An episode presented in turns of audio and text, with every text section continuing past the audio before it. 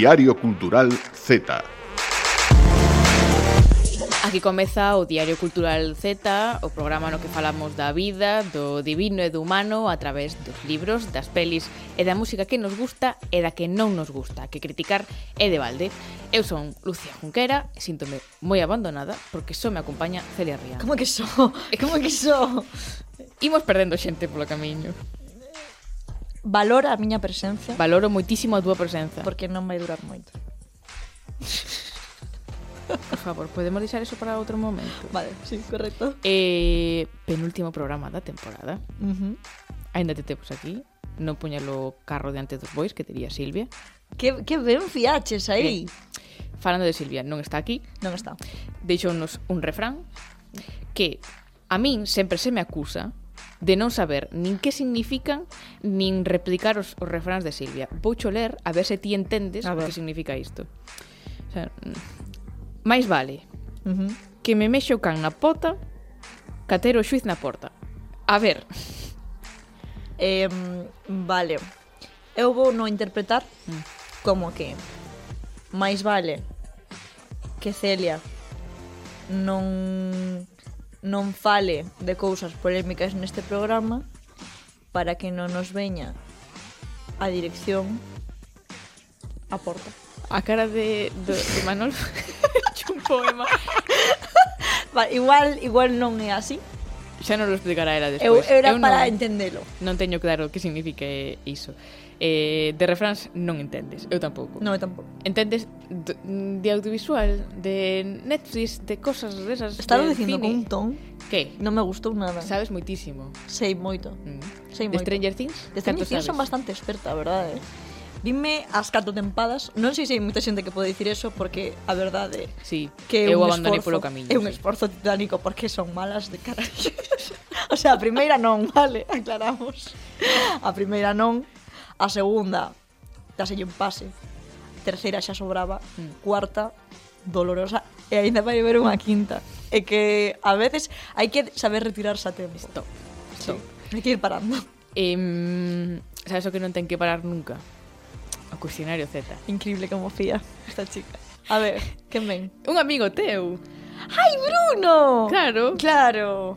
Que, Ay, que levamos convidando, creo que desde o programa número 1 E ven agora que estamos acabando É que levo dicindo que veña Bruno E que hoxe ven Bruno Arias Bruno Arias Bruno Arias é un fantástico cineasta que vai facer un fantástico docu mm. chamado Os espazos en branco sobre a súa tía Non imos falar esas Xela cousas, imos facer preguntas Pero non imos falar eso. No, no. Imos, fa imos coñecer o cineasta a, a súa cara máis descoñecida para o público. Vale, grazas pola introducción. e despois virán os nosos colaboradores que esta semana son Ciberán Tenreiro, que trae unha música chulísima. Como sempre. Como sempre. E Ana Abad, que tamén trae unhas compañeras de teatro chulísimas. Como sempre. Comezamos.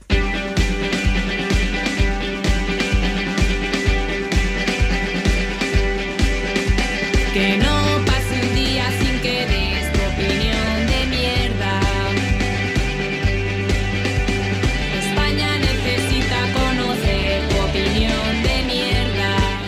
Hai un conto infantil sobre unha fábrica de etiquetas na que traballa un mago malvado. Dedícase en exclusiva a mandar os seus corvos etiquetando a nenos e nenas, que se torpe, lista, despistada, alto, poñenche unha etiqueta e non tes como desfacerte dela. Non vos vou contar como remata o conto porque podedes lelo e mesmo podedes escoitalo no Spotify do Cole da Baña, que tampouco falte a publicidade aquí ao Cole da Baña. O que está claro é que as etiquetas son un pouco repunantes. A ninguén lle gusta caer unha vez en público e que a partir dese momento te chamen torpe. As etiquetas pesan, desgastan e co tempo acabalas crendo e pensando realmente na túa torpeza. Iso nos conta a fábrica de etiquetas. Pode haber etiquetas boas, marcas que nos axuden a identificarnos, a topar xente como a nós, a compartir medos e alegrías Co tema do mes do orgullo e da diversidade deumo por pensar nesas etiquetas, nesas iniciais que diferencian a lesbianas, gays, bisexuais, transexuais, queer, intersexuais, ata que punto iso define a túa vida?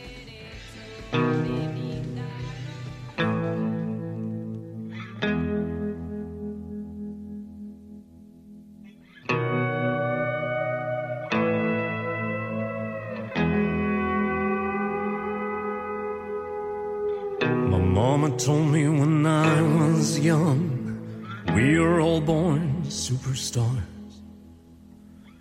Pois queiramos ou non define e conforma carácter, porque hai quen vai respectar a túa existencia e quen non a vai respectar, creéndose con dereito a decidir como debe cada quen vivir a súa vida.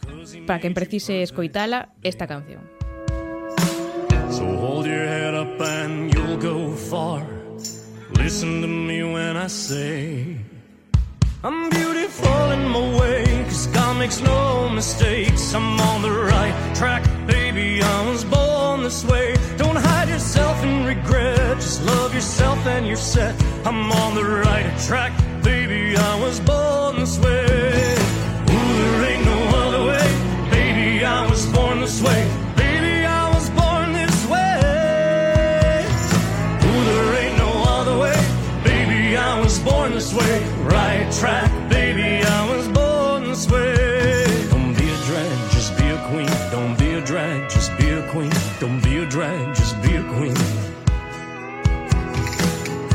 Yourself prudence and love your friends. Subway kid, rejoice your truth. In the religion of the insecure, I must be myself, respect my youth. A different lover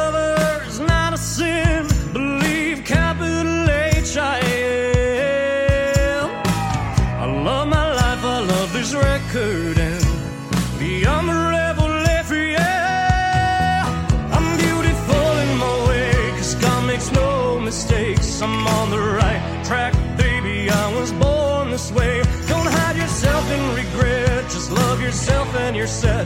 I'm on the right track, baby. I was born this way.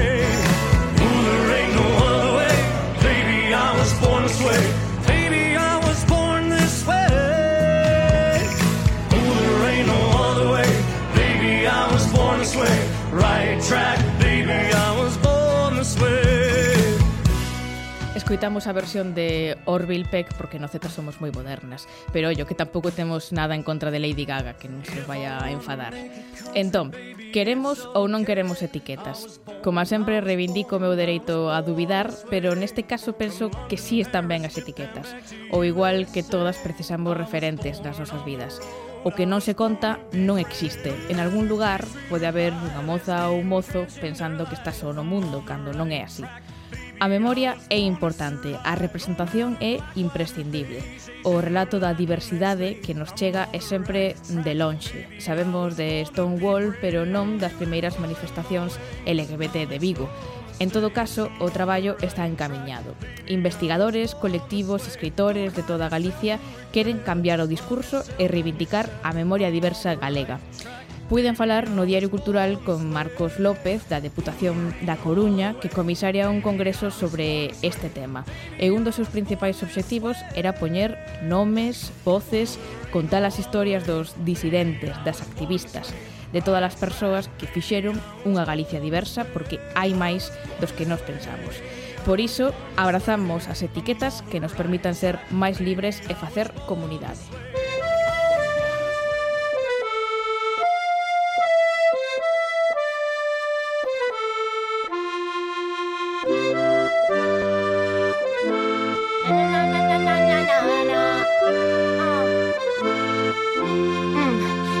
barrios seguros en xuicio ni norma, coidando das formas Transformando muros en portas se brota unha flor deu calor E máis choiva que todo medra con amor. Quero unha rede afectiva de amigos e amigas Con seres humanos e jatos e canse con ratos pra tapar buratos da alma E en calma sentirme animal. Así cando o mundo me tumbe Sin tabaleiro coller a cadeira e cantar E tocar e apertar unha man compañeira E sentir que a tristeza está ben e deixarme ler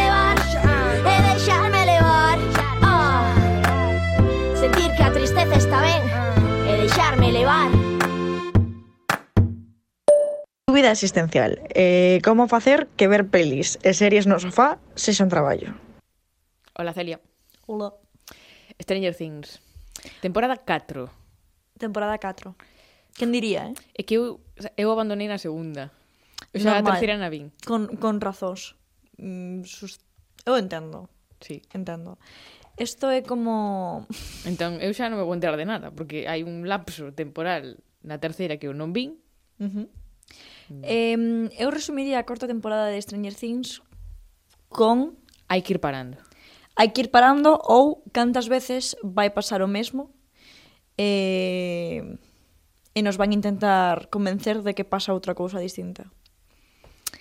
É o mesmo. Está o Demogorgon. Non? Agora non é Demogorgon, agora é Vecna, que non mm. acabo de entender cal é a diferencia, pero é hecho mesmo. É hecho mesmo. Deses. O sea, hai como... Bueno, para os que non visen Stranger Things, a primeira tempada esteva guai. Sí. Estivo chula. De feito, se triunfa é pola estética que ten alrededor. E, de feito, a canción que escolleron que, que como máis icónica agora da serie, bueno, escollen cancións dos 80 porque está ambientada nesa época, colleron unha de Kate Bush que agora mesmo está de número un en cancións de, de Spotify, de eh, Apple, de en todo o mundo. Entón, pois pues, sí, é certo que fan moi ben o rollo estético, mm. pero... No seu momento foi moi importante o ese revival dos 80 que, que sí. veu de, de Stranger Things. Sí, eh, a primeira tem tempada a min gustou un montón. Mm. A ver, non era, eu nunca fui un super fan, pero estaba moi chula. A segunda xa... Mm. Eh. Eh, segundas partes xa sabemos. A terceira, lamentable. E xa atreveche a ver a cuarta e dixen, é que moita xente estaba falando da cuarta e dixen, hai que pronunciarse. O Diario Cultural Z non pode quedar calado. Hai que pronunciarse sobre esta tempada. Eh, resumo, non sí, o vexades. Ar... A ver, non. Tampouco é así, quero decir. Esta ben son sete capítulos. Sí que é certo que son sete capítulos longos, porque cada un dura como unha hora e vinte minutos ou algo así. O sea, bastante longos. Mm. Pero, se non tedes mellor que facer, bueno, como a Celia Riande. Efect bueno, efectivamente, no, non é verdade eso. Eh, a tempada... De que vai o argumento? A eso vou. Sitúase eh, como un ano despois ou uns meses despois de onde o deixaba na terceira, que tiñamos basicamente agora vivindo a Eleven, que agora se chama Jane vale? Porque Leven era o número que lle asignaban no centro onde estaba de nenos prodixiosos. Sí. Eh, vivindo en California. Porque donde eran? Eles estaban en Indiana. Ah. Vale, en Hawkins, en Indiana. Ah, Hawkins, sí. Hawkins sí que me acuerdo. Vale. Eh, están vivindo en California porque, eh, por razóns obvias, a familia, bueno, quen ven sendo Winona Ryder, que non sei como se chama a súa personaxe, policía, dixo, tamén. xa basta deste povo non paran de morrer xente e pasar cousas misteriosas, igual estaba guai mudarnos. Pero a outra familia quedou quedou en Indiana porque non lles deu pa tanto. Que outra familia? Porque hai varios nenos e teñen as súas correspondentes familias. Ah, vale. Claro, desapareceu o que era o policía. Porque... Como desapareceu? Sí, Porque que non viches a temporada terceira. Ah, non. Bueno, pois... Pues, eh, Pero non aparece nada. Unha movida inteira de propaganda antirrusa e que é heavy, eh. A ver, todas as pelis series americanas. En plan, pero un rollo, un sí, pero un rollo, tía, moi de outra época, porque ahora sí que é certo que igual entra mellor porque non estamos no mellor contexto sociopolítico e aos americanos moito lles gusta, pero na terceira tempada non tiñamos nin guerra, era un rollo de espías rusos, en plan de, tío, igual podemos sair dese, sabes? vale. Porque está baseada nos anos... Ese. Sí, claro. Pues en es, pero no vale, qué, pero en pero... esencia como que ah, colle unhas ondas coa radio porque les estaban como un club de radio eh, en ruso e as consiguen descifrar, non sei con que habilidades, eh, resulta que era estaban, bueno, uns rusos moi malos, porque os rusos son moi malos, que querían facer algo coa xente de Indiana, total, a cuestión que o policía vese metido en toda esta trama e hai unha explosión moi grande porque se enfronta e leven aos malos e todo con seus poderes. Os, sí. É que, bueno, imolo, imolo deixar. E entón hai unha explosión e enténdese que eles entenden que morre, pero xa eh, no último capítulo da terceira tempada deixan unha imaxe que dá a entender que, que sobreviviu a esa explosión, o que pasa que está como nun campo de concentración ruso, vale? Agora na cuarta temporada. Sí, en Alaska. Ah, en Alaska. Sí, en Alaska.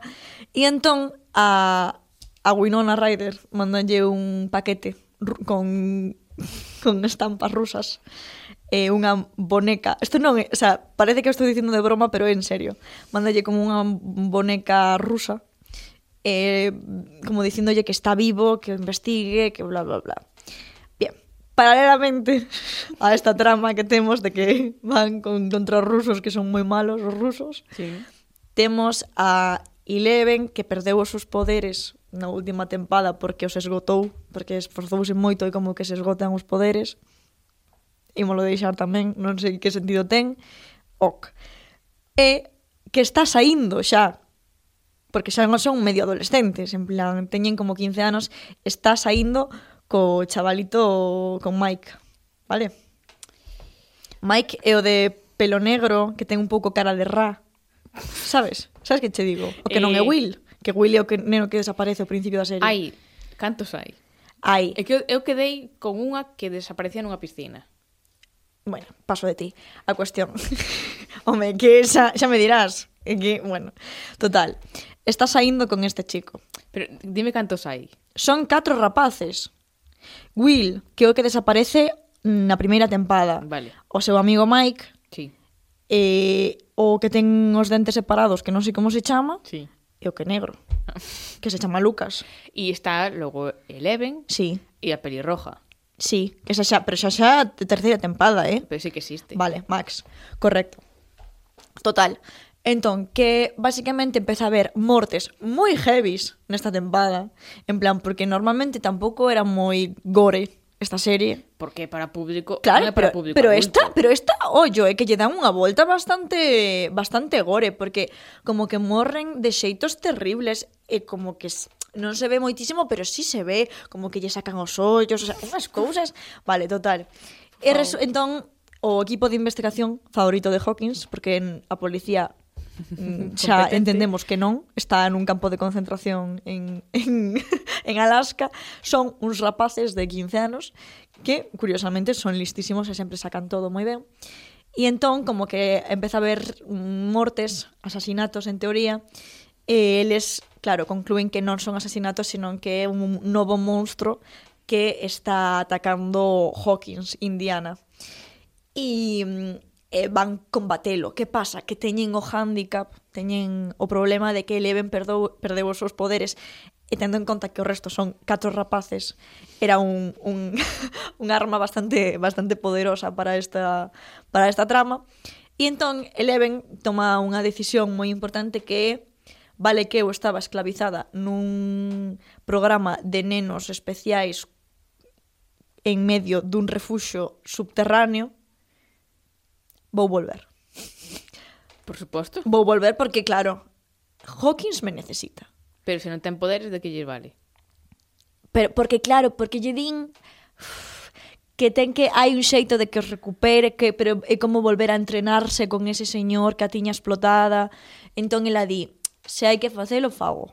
En plan, é o que hai, igual que eu este programa, se hai que facelo, eu fago. Entón, é broma, eh? a cuestión. Total, eh, que aí están e vanse a enfrontar a Vecna, que como digo, non entendo cal é a diferencia entre Vecna e o Demogorgon, máis alá de que entendo que son dúas personaxes de dragóns e mazmorras, e son os dous moi poderosos. E viven eh, soterrados nunha realidade alternativa a Hawkins Indiana. Vas dicir sempre Hawkins Indiana. Sí, gústame. Vale. Total, é que se digo Hawkins, igual sona sitio inventado, pero é que existe este sitio. Total, eh, isto é como fo folk, no, Forks, Forks de, de Crepúsculo que logo se fixe famoso sendo un, un sitio que non hai nada. Pois Hawkins, Indiana tamén. Total, que, mm, que, que van a, a atacar isto, esta forza do mal, cos poderes de Eleven e o poder da amizade, como sempre, que sempre se lle valorou eso, E entendo é que non cheguei ao último capítulo, cousa que está ben, porque así non fago spoilers. Porque se non contarías todo. Claro, xa sabemos Valo que ver. non teño filtro. Sí, sí, sí. Agora quero ver que pasa, porque, claro, xa me traguei sete, no, seis capítulos de unha hora e media, agora vou me ver o último capítulo. Está ben que non o vexa, porque tal, porque así podo facer as miñas predicións. Poden ser certeiras, poden non selo, ok. Eh, Will, ollo, que non falei desto. Will, que era unha personaxe mm, que non tiña moita máis trama aparte de que desaparecera na primeira tempada. Pero que fai na dúas e na tres? Nada. Ah, vale. Deixan caer que pode ser gay. Eu penso, penso polo que deixan caer, porque é como que outro está todo o rato con Eleven en plan romance, empiezan no instituto e tal, non sei que, el como que se lle insinúan varias nenas, e como que el está tenso, Eh, como que meten un montón de escenas neste senso e entón ou van a leválo por ese por ese camiño ou non entendo cal é a Pero intención. Pero temporada 5. Sí, xa o anunciaron. É que é triste. Que... E ademais, claro, o problema é que esta xente está crecendo. Xa para esta tempada tiveron que coller a unha rapaza que se parecera a Eleven para facer como flashbacks ou non sei que, en plan, porque a Millie Bobby Brown xa ten a súa idade, E, e pois, dixeron que na próxima tempada vai haber un salto temporal por razóns obvias, porque xa estes rapaces xa todos. van a cumplir os 50 anos e van a seguir facendo de... E vai ser como cuéntame, sí. pero en Stranger Things en sí, Hawkins. como en cuéntame que van chegar ao futuro. Vai mm. chegar un momento que chegan ao futuro. Mm -hmm. Pois, é unha serie que ten unha música chuli, unha sí. roupa chuli, sí. estética chuli. Ambientación ben. A nivel guión Me. A animación a partir da segunda empezou a decaer un pouco. A segunda xa xa decaiu. Que era a segunda? A segunda que pasaba? Eu só sei que alguén desapareceu nunha piscina. Unha chica. Eu recordo a primeira e recordo nitidamente a terceira. A segunda xa me perdo un pouco, pero a cuestión, a primeira é a mellor. Non vou ver a cuarta. Eh, bueno, creo, eu, eh? eu creo que xa con este resumo xa che chega. Sí, en plan... sí. Xa non vin a terceira, a segunda non sei se a rematei, a cuarta non a vou ver. Estou vendo Parlemont. Podías falar un día de Parlemont. Era necesario decir que estabas vendo Parlemont, sí, que se non o colabas... Dixenche que, que a fixeras e non me faz caso, entón, pois pues bueno decir. Vale, eh, Parlemont. por favor, aquí hai que... As, o marketing di que? que hai que fomentar a interacción co público. Se queredes que fale de Parlemont, por favor, mandádenos unha mensaxe. Sí, un SMS. O Twitter. Un Pagemont ao 5545, no. Unha mensaxe ao Twitter do Diario Cultural. Grazas. E se non, non a faz. sí, efectivamente. Vale, grazas, Celia. Diario Cultural Z. Cumbia.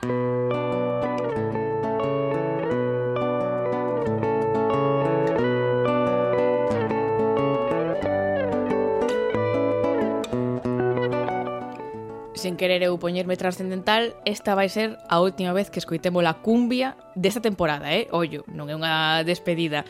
Ana Vaz, que tal? Hola, Lucía, que tal? Sí. Sen, sen poñernos aquí tampouco moi serios, eh? No, que logo no. para setembro virán máis máis cousas, pero esta tempada eh, xa digamos que ten un fin, non? Eh, entón, así para rematar, imagino que farémolo por todo o alto, non? Que nos traes hoxe, Ana? Pois mira, para non poñernos tristes, trouxen algo que ten que ver co humor ben, ben. para, para levantar un pouco o ánimo. Entón achegámonos a outra compañía emerxente, eh, Negro López, que está formada polo actor e clown Iván Davila e polo actor e músico Brais Iriarte, que están a piques de estrear a súa peza Backstage. Mm. Iván fálanos de como surdiu a compañía e da historia que ten detrás tal e como está hoxe en día, con Brais e comigo, Iván, formouse coa excusa de realizar un sketch cómico no Festival Galego de Cabaré, organizado por Nelson Quinteiro. En concreto, da edición do ano 2020, que se fixo na Coruña. Ainda que en realidade o proxecto uso comezar un ano antes con outro compañeiro, Loís Blanco, músico, e digo Loís e non Lois porque Lois Blanco é outro amigo meu que é director de teatro que anda aquí mando un saúdo. E eu contactei con Lois porque a min apetecíame moito mesturar a interpretación coa música ao vivo. Entón dai surdiu a idea de crear unha compañía e un espectáculo que potenciaran esta vertente. A nosa primeira peza foi Xogamos que no formato máis pequeno destinado aos cafés teatro, centros culturais, etc e que mesturaba diferentes linguaxes como o stand-up, a comedia musical e o clown, por suposto. E o resultado foi un espectáculo de variedades que era bastante cabareteiro, verdade? Co crítica política, e momentos onde facíamos cancións, e xogábamos co público e demais. En fin, tempos prepandémicos. Pero logo chegou a pandemia, Lois decidiu abandonar o proxecto, entón aí foi cando contactei con Brais e o engatusei para que se unise a min. Que, por certo, eu a Brais coñeceu de vista, porque aínda que os dous estudamos nesa, ceramos de promocións diferentes, pero cando vin no espectáculo se fosen turistas levarían gafas de sol, de limiar a súa compañía, tiven clarísimo que quería traballar con el. E o resto xa é historia. Todo medrou, definimos máis o formato, centrámonos únicamente no clown e apostamos forte polo espectáculo que vos presentamos agora backstage. Canta enerxía. Sí, sí, é mesmo que compañía nova, pero sabes que ten aí pois, uh, uh -huh. unha historia, non? E, e backstage trata un tema moi importante, como é a aceptación do fracaso, Mais iso mm. sí, como dicíamos antes, sempre botando mando humor. Parte da idea de, do conflicto entre dous personaxes. Un director fracasado dun bello teatro que está a piques de pechar e un músico de éxito. E a peza xoga con dous espazos o, o espazo de entre bambalinas, o backstage, e o espazo do, do teatro. Como temática principal, escollemos en backstage o tema do fracaso, xa que é un tema que nos, nos preocupa moito, porque a día de hoxe vemos en nenos e nenas que non se sabe xestionar este fracaso. Entón, nos en backstage creemos que é importante tratar temas tan serios como o fracaso dun xeito cómico. E que é mellor que o gran fracasado do, da escena, no? o clown unha persoa que fracasa pero sempre se levanta, pase o que pase. E logo na peza eh, eh mesturanse diferentes técnicas. Mesturamos dende a técnica do clown, a linguaxe de Gromelot, no? o estilo este de linguaxe composto por sons e palabras inventadas, no? que funciona como unha linguaxe universal, a pantomima, a música ao vivo, os efectos foley, a manipulación de obxetos, E logo bonito que é un espectáculo familiar para todos os públicos, que pode velo calquer persoa, é adaptable, o sea, tanto para teatros como para rúa ou para espazos non convencionais. Como di Brais, a peza adaptase a todo tipo de espazos, mm. así que non valen as excusas para non contratar e tampouco para non ben. ir vela. que fixera fincapé niso, non? Mm. Que é interesante, non creo que falamos outras veces, non? De, de como hai pezas que se adaptan pouco a, a calquera circunstancia para poder pois eh, chegar a un, a un público maior. Uh -huh. E eh, logo en backstage destaca o protagonismo que cobra o espazo escen, eh, o espazo sonoro, perdón, a partir de todo tipo de sons diexéticos e extradiexéticos. A idea do espazo sonoro é que nos traslade a un lugar máxico, no que os espectadores tamén forman parte del. E para iso, pois, nos empregamos unha guitarra electroespañola e un loop station. E con iso facemos todo o xogo de, de sons foley, efectos de son, que acompañan as dinámicas do clown eh, o bonito desta guitarra é que é unha guitarra creada especificamente para este espectáculo porque ten unha adaptación que a fixo un luthier chamado Antonio de Triton Guitars e fixo un, como unha caixa de madeira, un soporte de baquetas, un soporte para meter un pratillo, e, bueno, unha serie de, de cousas que ao final dan moitísimo xogo e enriquecen moito a, a poder facer estes efectos Foley, de que se abre unha porta, de que soa un disparo, de que de repente hai uns rayos láser. Mm. Ana, non teremos maneira de escoitar iso, que pola radio entranos moi ben. Pois sí, para introducirmonos máis no espazo sonoro da peza, se che parece, podemos coitar un o tráiler da vale. de backstage. Backstage. uh. Oh no, no, no. Moi. Oh non de C Oh no. Foquez-moi Foquez Foquez-moi Relax. I'm very professional. Non partidure La vola nove Oh assistenti Di backstage You know very professional. Oh Sí que ten pinta de ser divertido, la verdade. Sí, e mesmo o nome da, da compañía Negro López, que eles escriben todos xuntos, surdiu buscando un nome divertido, mm. que soase ben, pero que non fose definitorio.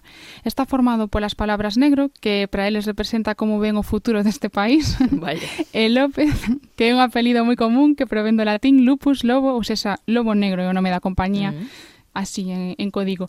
E hai unha lenda cherokee que fala de que no corazón de cada ser humano habitan dous tipos de lobo, o branco e o negro. E divan que o lobo negro se lle atribúen calidades como a astucia, a agudeza e a capacidade estratégica, conceptos que eles consideran indispensables para calquera compañía de nova creación. Mm. Ainda que despois no logo da compañía apareza un burriño en vez do lobo para despistar. Moi ben, máis ben o contrario.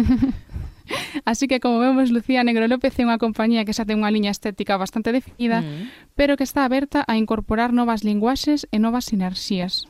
Se ben é certo que neste espectáculo están a interpretación e a música, que era a miña idea original, logo falando entre nós, decidimos non limitarnos e ir incorporando outras artes escénicas no futuro, a danza, a pintura ao vivo, e sobre todo cuidar o apartado estético, que é algo que define moito a Negro López.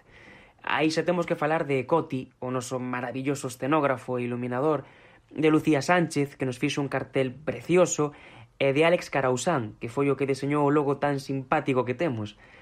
En Backstage tratamos o clown dende un punto de vista poético e o resultado pois xa se pode apreciar na posta en escena.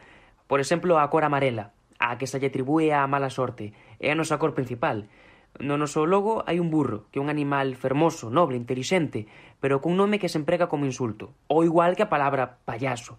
En fin, gustanos xogar con este tipo de conceptos. E no futuro seguiremos a realizar espectáculos dirixidos a todo tipo de públicos, nos que a través da comedia, sempre a través da comedia, porque vida hai que tomala con humor, contemos historias que inviten a reflexionar. E se non queres pensar, polo menos, a pasalo ben. Como compañía nova que somos, seguiremos explorando, investigando e xogando, sempre xogando. De feito, agora mesmo, Lucía, contan coa mm. colaboración de Chiqui Pereira, que lles vai botar unha ollada externa dentro da dirección para seguir mellorando a peza xa co foco posto na súa próxima estrea, da que aínda non poden dar os detalles exactos. Vaya, quedamos colganos. Eu tentei sacarlles algunha información máis para poder darmos a primicia no Z, porque a estrea é inminente, mm. e Iván deunos un par de pistas que vai ser despois do verán vale. e que vai ser na cidade máis luminosa de Galicia.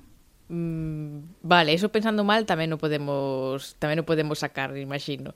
Eh, en todo caso, pois pues, estaremos moi moi atentas para confirmar esa esa data tamén o, o lugar da estrea eh, temos dúas maneiras, non? A través da páxina web e tamén a través do, do Instagram que é arroba guión baixo negro lópez guión baixo eh, toda a información ali tamén moi atentas ao que nos poidas ir contando Tiana. Grazas, Lucía.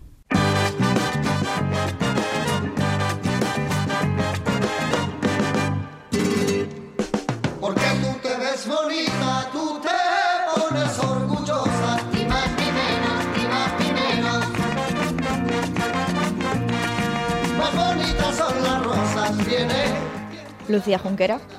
¿Qué tal? Silvia López López. Hola. Bruno Arias. Hola, ¿qué tal? Estamos aquí reunidas para un Vaya tema. ¿eh? Estamos aquí reunidas. ¿Cómo sigue? Para un cuestionario. Z, concretamente Z. En principio sí. A sí. música a música sí. un derroteiro. A música mm, non sería que eu agardaba que escolleras. Pido perdón. No, no, no, non pasa nada. O sea, xa aceptamos. Peores cosas temos visto. A aquí. pregunta do prazer culpable ímola xa descartando, non? Sí, xa sabemos cal é. Xa escoitamos. Un respeto para los chichos, por favor. Sempre. Por favor. É o teu grupo favorito? Eh, eu non teño cousas favoritas. Xa xa hai preguntas sobre iso, xa adianto que vai ir mala cousa. Ah, non vai por aí o cuestionario. Vale, pues, pois Mierda. Casi ah, xa estamos dicindo palabrotas. Pido perdón tamén. Este é un servizo público, perdón, por favor. Perdón, perdón. Pido perdón aos servizos públicos en xeral e a Radio Valga en concreto. Moi ben.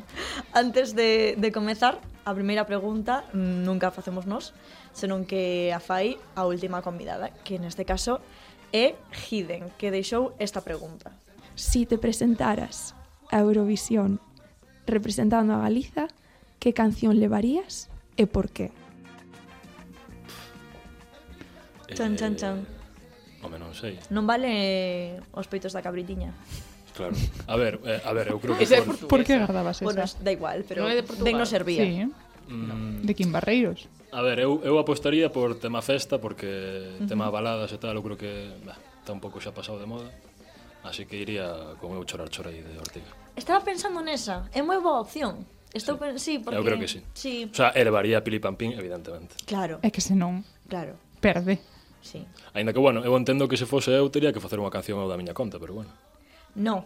Ah. O sea, estamos deixando as vale, normas ben, ben, a un... Vale, pareceme ben, parece sí, ben. en outro momento. O das cousas técnicas xa... Que, bueno, o sea, se teño que cantar eu, mal vai a cousa. Adiante. Pero se tes unha voz moi es ASMR.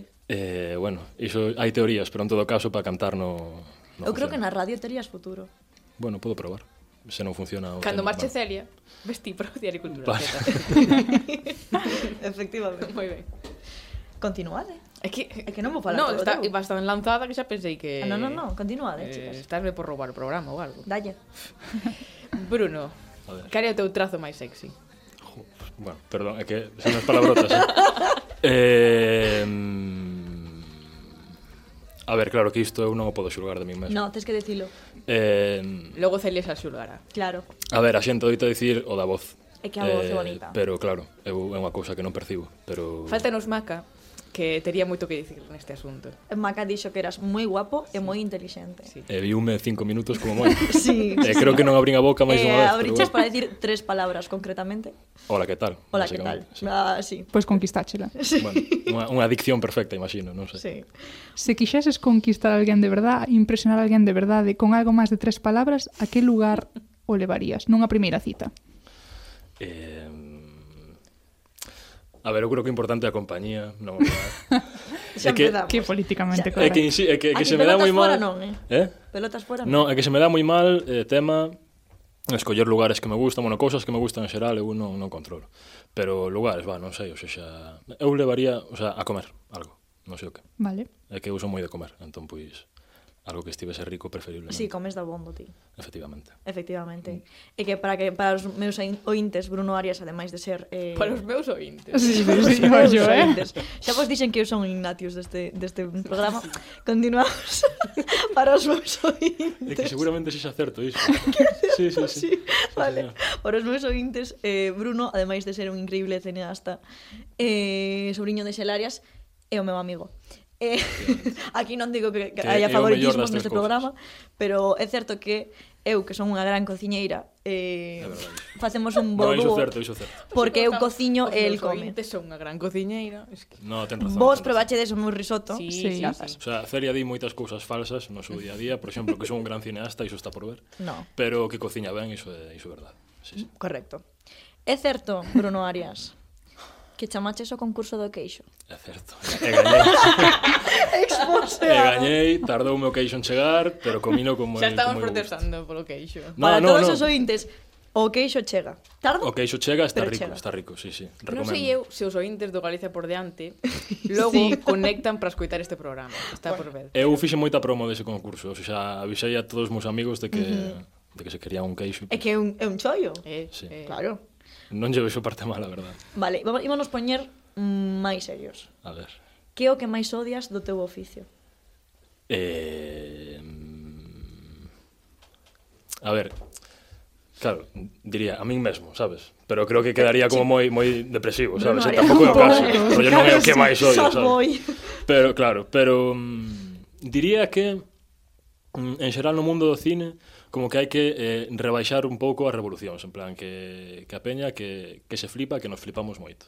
Mm. Entón, bueno, iso así de base en plan bromilla. Eh, se me poño serio, pois pues, a precariedade, rollo mal, non, non sei de tan, pero bueno.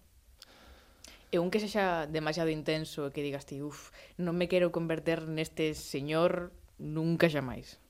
Crees que diga un nome? Non vou sí, facer claro, eso claro. nin de broma. Que va, que va. O Nada, sea, aquí non inteligencia xusta, pero para iso. Claro, é que ser pobre. Sí, a ver. Limita. É que, que dicir, o sea, simplemente hai como un abismo entre o que a xente cree que é e o que é. Rollo, eu agora estou montando a película, eh, estaba onte, por exemplo, montando a película que viu Celia, que mandei unha foto, bueno, non a mandei, puxo nada, bueno, en fin. Eh, coas gafas arranxadas con celo, comendo do súper o que poida, ou xa, glamour, o que se, o que se di glamour non hai. Pero non bueno, hai. a Pero xente flipas igual. Talento sí, no bueno, teu caso. Eh, no caso do meu equipo, eu teño un equipo maravilloso. Sí, eso é certo. Eso é certo. Que rapaz tan humilde. Pois non obtivemos nomes mmm, buscando a crítica, pero queremos saber algún nome coa pregunta de cal foi o teu primeiro crash famoso. Buah. Eh, buah, mm, non teño nin idea. Pensa. Eh, mm, cando, cando se comeza a ter crashes na vida? Ai, non sei. Eh, Eso era cada relativo. quen. Eu diría que un dos meus crashes, os primeiros, igual Zac Efron ou algo así. Sí, eh, claro, naquela época que estaba vendo. Claro, Hannah Montana tampouco me, me facía moita... Pero a serie estaba moi guai, pero... Non te gustaba, Hannah? No, a nivel vale, amor Mellorou platónico non... Mellorou, é verdad. Pero... Non sei, eh? Uf, Que pregunta difícil. Eh... Esta é a que se lle resiste. Boa, totalmente. Eh. Isto vai me dar moi mal. Mm... Non pasa nada, cambiamos de pregunta. Estou pensando incluso algún debuxo animado ou algo, pero ni eh, Por iso. favor, no, aquí furros no. Eh, eh, no, furros no, que va, no, no. Jerónimo Stilton, sai igual. No, Jerónimo eh, Stilton. El detective eh, Conan, ver, por que? favor. No, o detective Conan era un neno pequeno. Sí. Pua, non se me ocorre ningún. Sí, pero había... É un pouco heavy. No, pero había o de adulto tamén. Bueno. Claro. Xa, pero non me parece Veña, un exemplo non, non problemático. Dios, non se me ocorre ninguén, o sea, quero dicir, gusta má xente, eh, rollo, non me escondo, pero non se me ocorre absolutamente ninguén. Vale. Eh, aquí ven unha palabra que non non sei se a xente vai coñecer o seu significado. E dalle. Pero facemos divulgación. Sabes o que paso. ah, digo cho eu. As as mamilas, sabemos o que son? No, debería.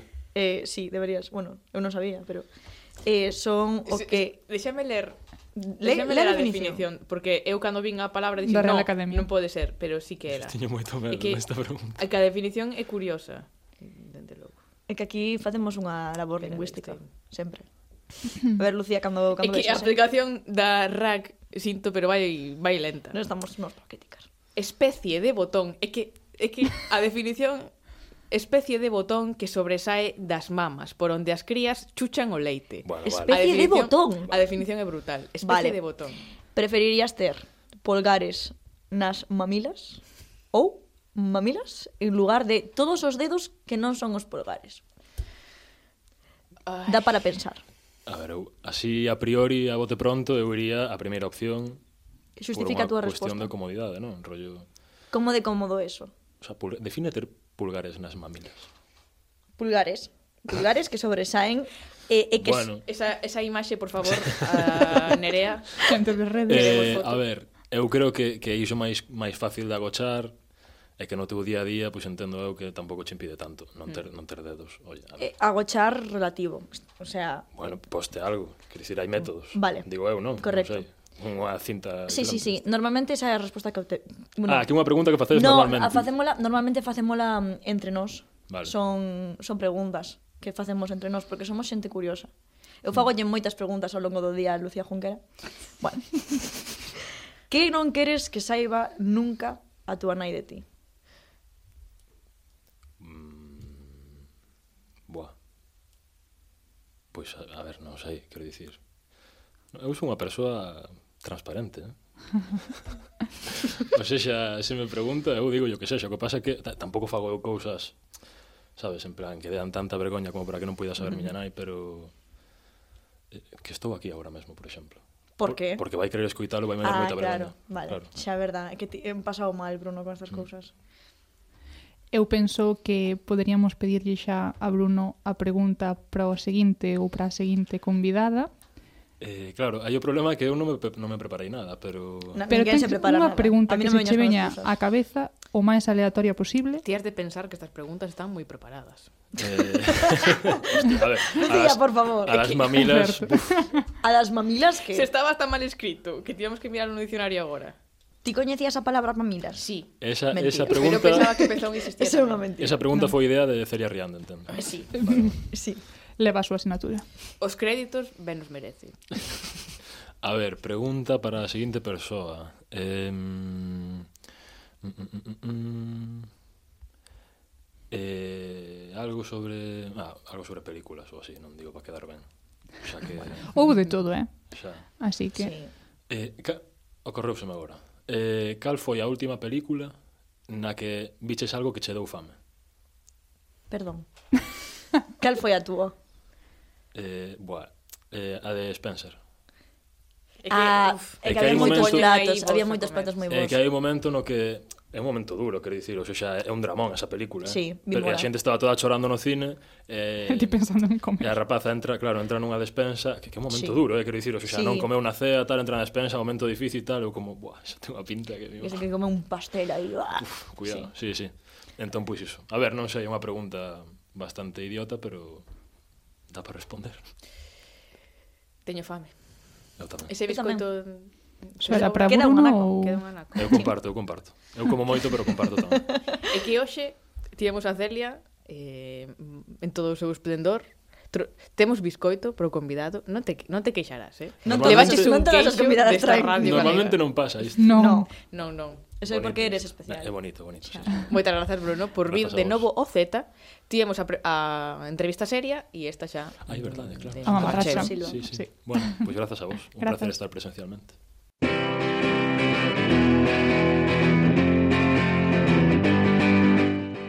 A ver, vos, que vos credes moi modernos. Iso xa o dicían os vosos avós hai 60 anos. Silvia López López. Que tal, Celia Riande? Eh, aquí xa mandei a Lucía de vacacións. Non quixo nin escoitar cal era o refrán. Espantouse cando que, soubo. Claro, non entendía o refrán e dixo, creo que isto se me vai das mans. Mellor Celia Riande, que é coñecida pola súa inteligencia, uh -huh. mellor que o afronte ela. Así que aquí estou disposta a escoitar o refrán do xe. Sí, era algo dun can que mexa na porta e a policía... Non, no, na pota, policía. na pota que a policía na porta. Agora sí. Case, case. A policía non, o xuiz. O xuiz. Ai. Entón, sería, vale máis que mexe o can na pota que ter o xuiz na porta. Uh -huh. Eso okay. sería. Este é un refrán que me contou unha veciña miña porque dixo que yo escoitara a outra persoa sabe que me gusta anotar refráns entón cando yo oiu dixo Pois este teño yo que, que contar a Silvia Xa verás como lle fai rir Efectivamente, fíxome rir E cando mo dixo, eu xa sabía que vos había de rir vos tamén, non contaba que Lucía se espantara, pero as cousas así. Entón, díxome, vale máis que me mexo o can na pota ca ter o xuiz na porta. E despois engadiu como a explicación, por se acaso eu non o entendía, que efectivamente non, non sobraba, dixo, porque a pota podela lavar, non sabe, Silvia, pero o xuiz da porta non o sacas nunca máis. E dixen, isto teño que dicir tamén a Lucía e a Celia cando me digan que non entende nin para atrás o refrán, como así sucedeu, eu xa me adiantei. E dito queda. Entón, xa vedes que é un refrán que vai un pouco mm, no mesmo xeito, non igual igual, pero parecido a ese refrán que é máis coñecido de vale máis un mal arreglo, un mal arreglo ca un bo preito, como ocorre tamén moitas veces en series como Como defender a un asesino. Música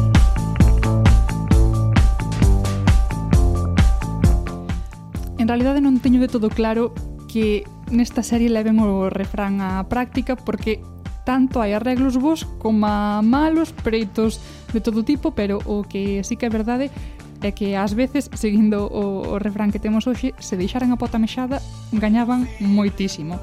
Que quero dicir con isto? Pois é que nesta serie ás veces por tentar amañar un lío ou un enredo acaban con un enredo moito máis grande, isto xa o falamos aquí máis veces, E aí nesta serie son cousas serias, porque hai xuizos como tal, hai asasinatos, hai líos gordos, non? Entón, acaban co xuiz na porta literalmente, a pesar de ser eles mesmos e elas mesmas abogadas ou estudantes de dereito que van supostamente exercer diso.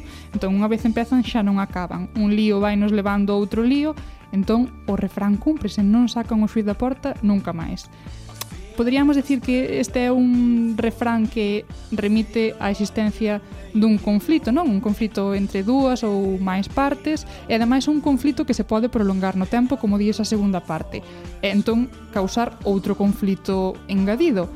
Entón, esa reflexión paralela levoume a Alcarrás de Carla Simón. Música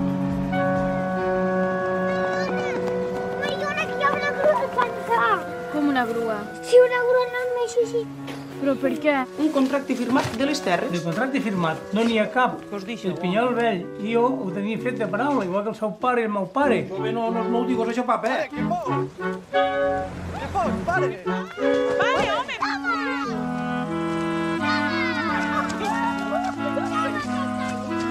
O conflito nesta peli é entre dúas familias por mor dunhas terras, pero tamén un conflito de modelo de territorio, de modo de vida, mm, de como un entende a vida como si é o xeito de gañala, dun montón de cousas que acaban desencadeando tamén mm, noutro feixe de conflitos paralelos, conflitos máis pequenos, tamén a nivel familiar, entre irmáns, mm, entre propios veciños da, da aldea.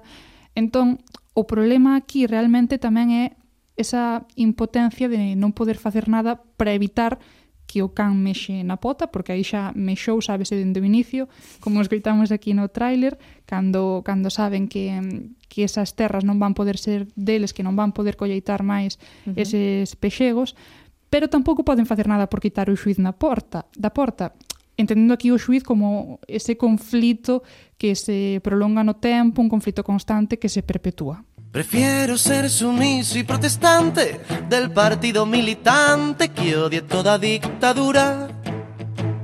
Prefiero ser canalla delirante con la talla de importante si la cosa se hace dura. Prefiero no perderme en la semana, me gustan grandes y enanas, vivo a base de milésimas.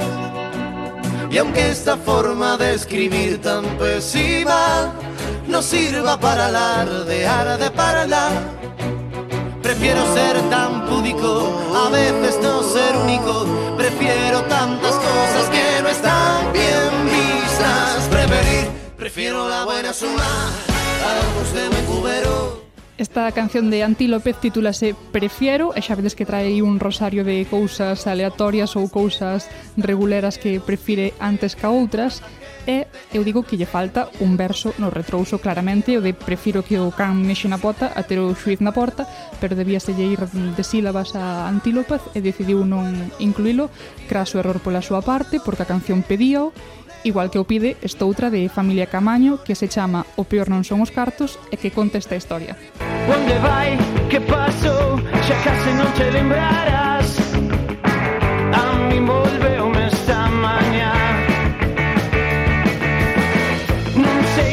te avisou E ti viñetes me buscar.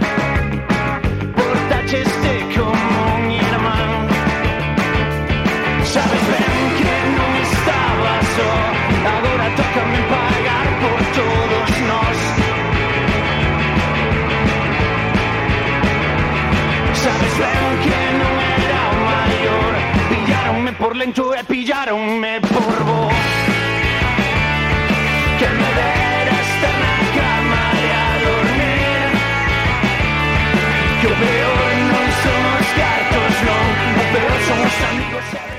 Dicen esta canción Quen me dera estar na cama ali a dormir E así aforraba de facer aquilo que fixen Que non se sabe o que é, pero que se entende Que é algo malo e que lle puido traer problemas Que é outra forma de, de contar este refrán Neste caso, salvou non ese amigo que é como un irmán Pero o, o problema estivo aí, non? Ao final estas cousas hai nas que relativizar sempre Porque cando estamos mm, metidos nun conflito Parecenos que acaba o mundo Que ese conflito vai ser eterno pero temos que, que ter en mente que sempre podría ser peor. Podría ser peor. Nuestra frase favorita de despertador. El recurso eterno socorrido y sanador. Déjame gritar hasta que ya no tenga fuerza, hasta que ya no quede nada, más. En calquera caso, Celia, se daqui imos aprender algo é que a sabedoría popular quere os preitos deixan vos, deixan malos ben lonxe e os problemas e os conflitos dinlles o que di Sleepy Spice.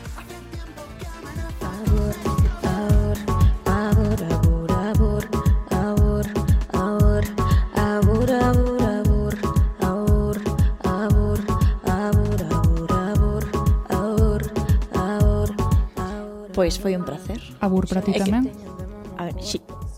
Non me das tempo, quería facer unha conclusión, gustoume dalle, dalle. muchísimo a referencia del Carrás, porque sabes que nos gusta moito un, sí, sí. bueno, unha Carrás Simón sempre nos gusta, gustoume moito a canción de Antílope Cera. Sí, prefiero. Sí, gustoume moito que meteras a familia. Estou moi contenta coa sección de hoxe. O que perdeu Lucía. Grazas, Silvia. Consello para amigas Non deixes que ninguén te foda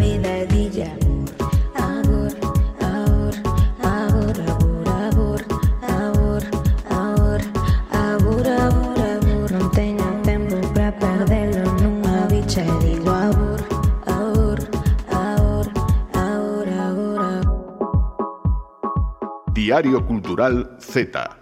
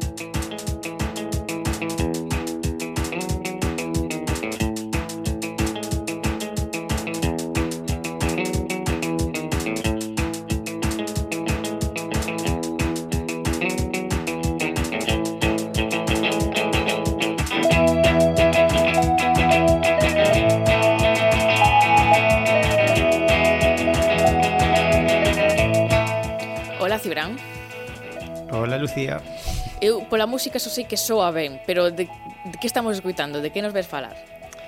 Pois hoxe veño a falar de Aeronave Adolescente, que é o proxecto de Daniel Valcárcel. Mm. E eu coñecino porque vin que Marcelo Criminal, que eh, bueno, un músico de Murcia que me gusta moito como músico e como tuiteiro o recomendaba. E despois, ao botarlle un ollo, atopeime con que Dani de Maiseu compartíamos facultade e tamén con que o seu último EP se chamaba El mirador de la ría del Burgo e outros puntos de inspiración. Vale, e claro, no. como eu son de Perillo, que está en Olleiros, e a miña boa de Almeiras, que está en Culleredo, a ría do Burgo é para mí tamén un punto de inspiración e o que percorro para ir da miña casa a casa da miña boa. Así que xa entrei un pouco a súa música tamén con simpatía porque non lembraba moita música que falase dese universo. Mm. Pero entón, máis alá de entralle con, con simpatía, gustouche a música. Pois sí, gustoume moito porque ademais de compartir ese contexto penso que no que así a miña educación sentimental non? Pois está unha música moi parecida á de Aeronave Adolescente está ese lado do, como do rock alternativo que é melódico pero tamén é ruidista que é vulnerable pero é violento non? que ten un punto así intenso de facerse preguntas pero tamén un aquel disfrutón que creo mm. que nun tema como este que soa que se chama Ninguna Respuesta Concedida se deixa ver nalgún berro no subidón de cando entra o solo de guitarra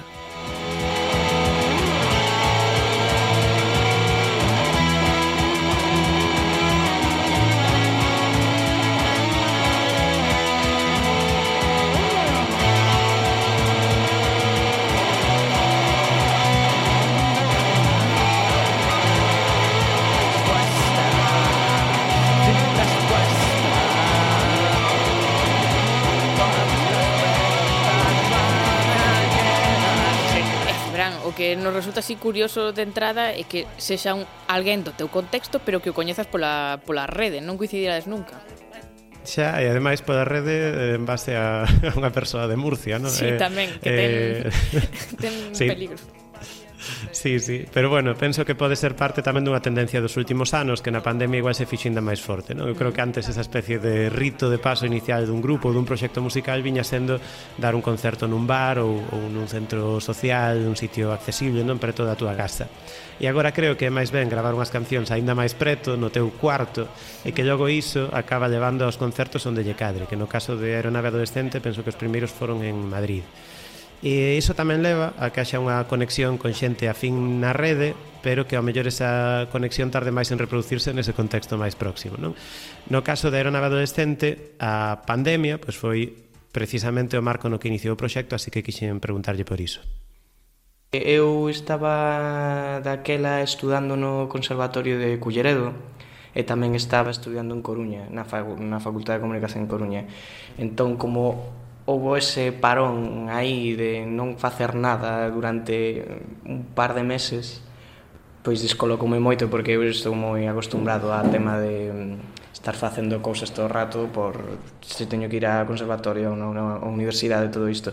De todo dixen a mí gustame moito escoitar música en plan todos estes grupos eu que sei eh, Guided by Voices, Pavement, de toda esa movida do lo-fi americano, Sébado, eh, Dinosaur Junior e todas estas cousas eu dixen, ah, eu quero facer unha cousa así por probar así, para empezar eu creo que pode estar ben empecé a coller o meu ordenador que tiña antes eu non teña ni idea de gravar. Entón collín eh, e descarguei un Audacity e tiña como un micro de 20 euros, máis ou menos aí, porque yo pedín a meus pais, eu collía o micro de, de 20 euros e poñeme a gravar coa guitarra e a cantar, e a montar como eu podía.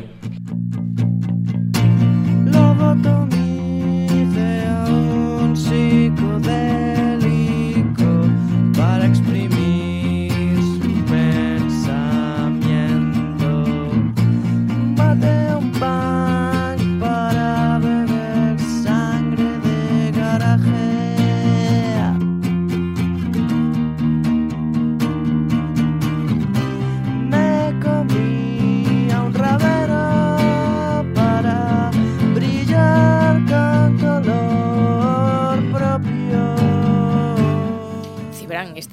deses exemplos de primeiras cancións?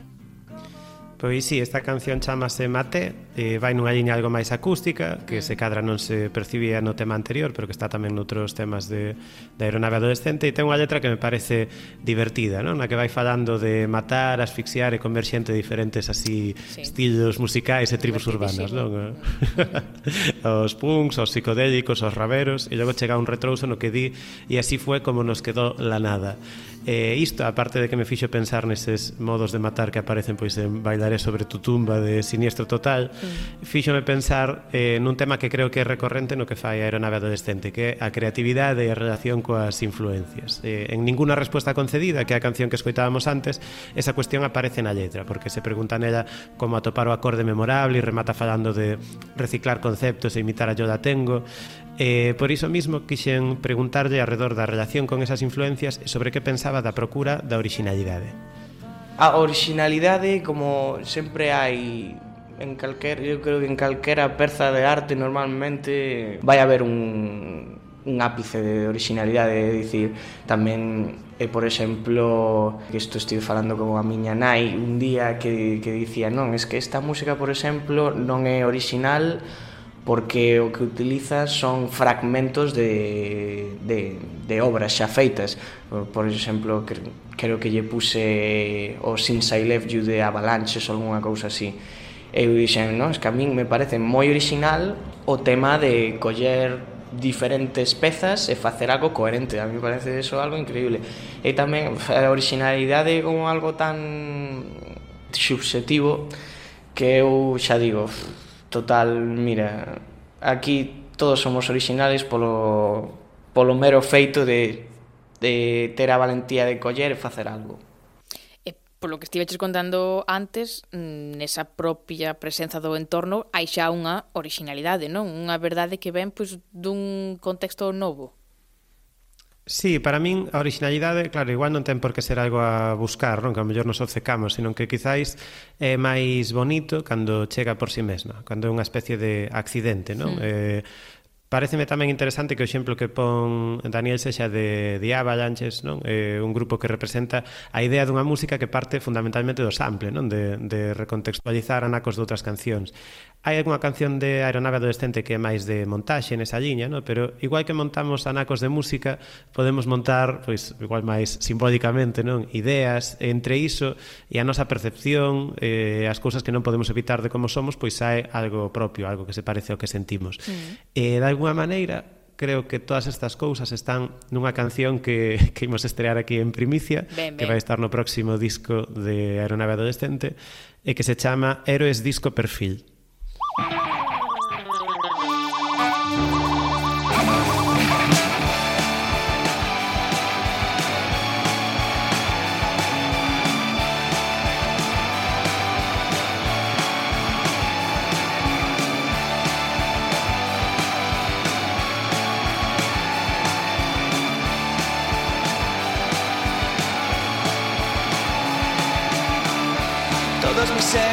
Lo han dicho todo por mí.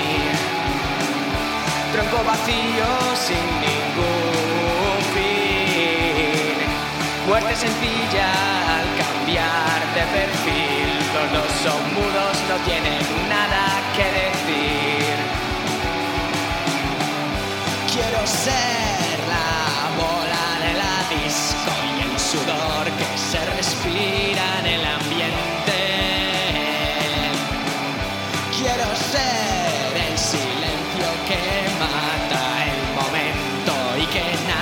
acuerde de mí.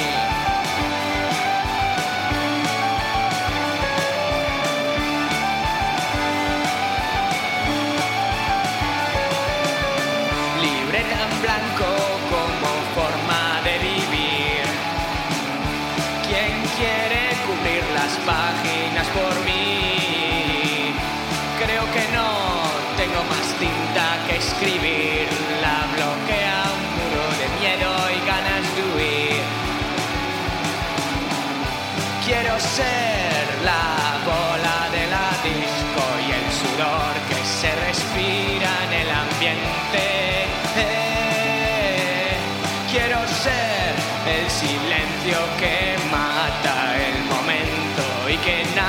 squared of their me.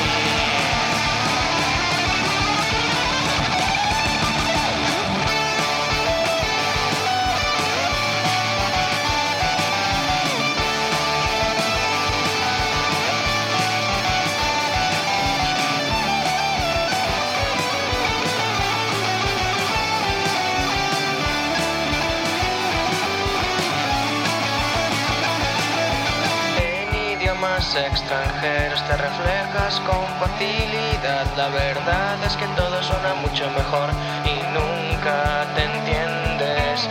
En idiomas extranjeros te reflejas con facilidad. La verdad es que todo suena mucho mejor y nunca te. Ciberán, a verdade é que aquí nesta canción está como todo resumido, non todo o que nos ibas comentando. Eh, fala de da creatividade, das influencias, temos ese solo de guitarra, eh, eh, tamén mesturado con esa vulnerabilidade de falar das, das ganas de fuxir, todo, todo. Sí, sí, eu ao falar con Daniel, el falábame pois, das cancións como unha especie de cápsula non das sensacións e influencias que pode ter en cada momento. E penso que a min é algo que, que me gusta moito porque transmite moi ben a idea de descubrimento, non? E de intimidade tamén, que é a que eu teño eh, a día de hoxe da adolescencia. Non? Eh, el eh, describe no, no seu bandcamp a súa música como ruido de habitación, que é algo que pode dar a falar de como eh, a fai a música non? na habitación, pero tamén falar dese espazo que é o espazo adolescente por excelencia, creo eu, non sei. Mm. E como tamén leva a adolescencia no propio nome do proxecto, quixen preguntarlle que era o que entendía desta fase da vida, que igual é algo interesante para tratar no Z e para ir pechando a sección por hoxe. Pois para min a adolescencia é aprender a estar en contacto contigo mesmo e toda a euforia do cambio en plan de non ter nada por sentado. Esa euforia, esa catarsis de non saber que está pasando pero saber que estás vivindo no presente e intentar facer fa, facer algún sentido de todo o que estás vendo. É como todo o rato do, o tema de, de preguntarse a ti mesmo, pan, por exemplo, de ben, ninguna resposta concedida, van pasar cinco anos máis, as pegadas seguirán aquí, o tema de, ah, cando pasen tanto tempo eu seguiré facendo o mesmo, ou de verdade valgo para isto ou diferentes aspectos da, da vida ou estar en contacto coa túa orixe, por exemplo, no título de O Mirador da Ría de Bur da, del Burgo que, bueno, isto é unha anécdota que o Mirador da Ría de Burgo en realidad non é un sitio eh, real é a miña casa, porque desde a miña casa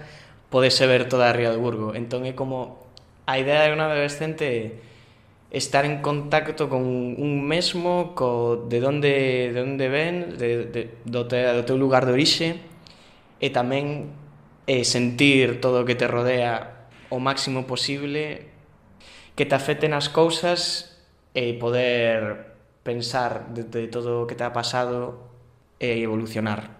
Porque a adolescencia é un paso cara a madurez. Vestías así a adolescencia, Cibrán. Vexo, vexo, pero non sei se son xa a persoa máis indicada para, para falar dela. Eh, e se o son, igual é por non ter madurado da bondo. Pero bueno, que va, que va. en calquera caso, eu estou moi a favor de como soa a adolescencia. Pois sí, nós, ta, nós tamén aquí no Z xa pasamos todos os adolescentes, pero sempre está ben recuperar eses sons. Moitísimas grazas, Tiberán. Nada, grazas a ti.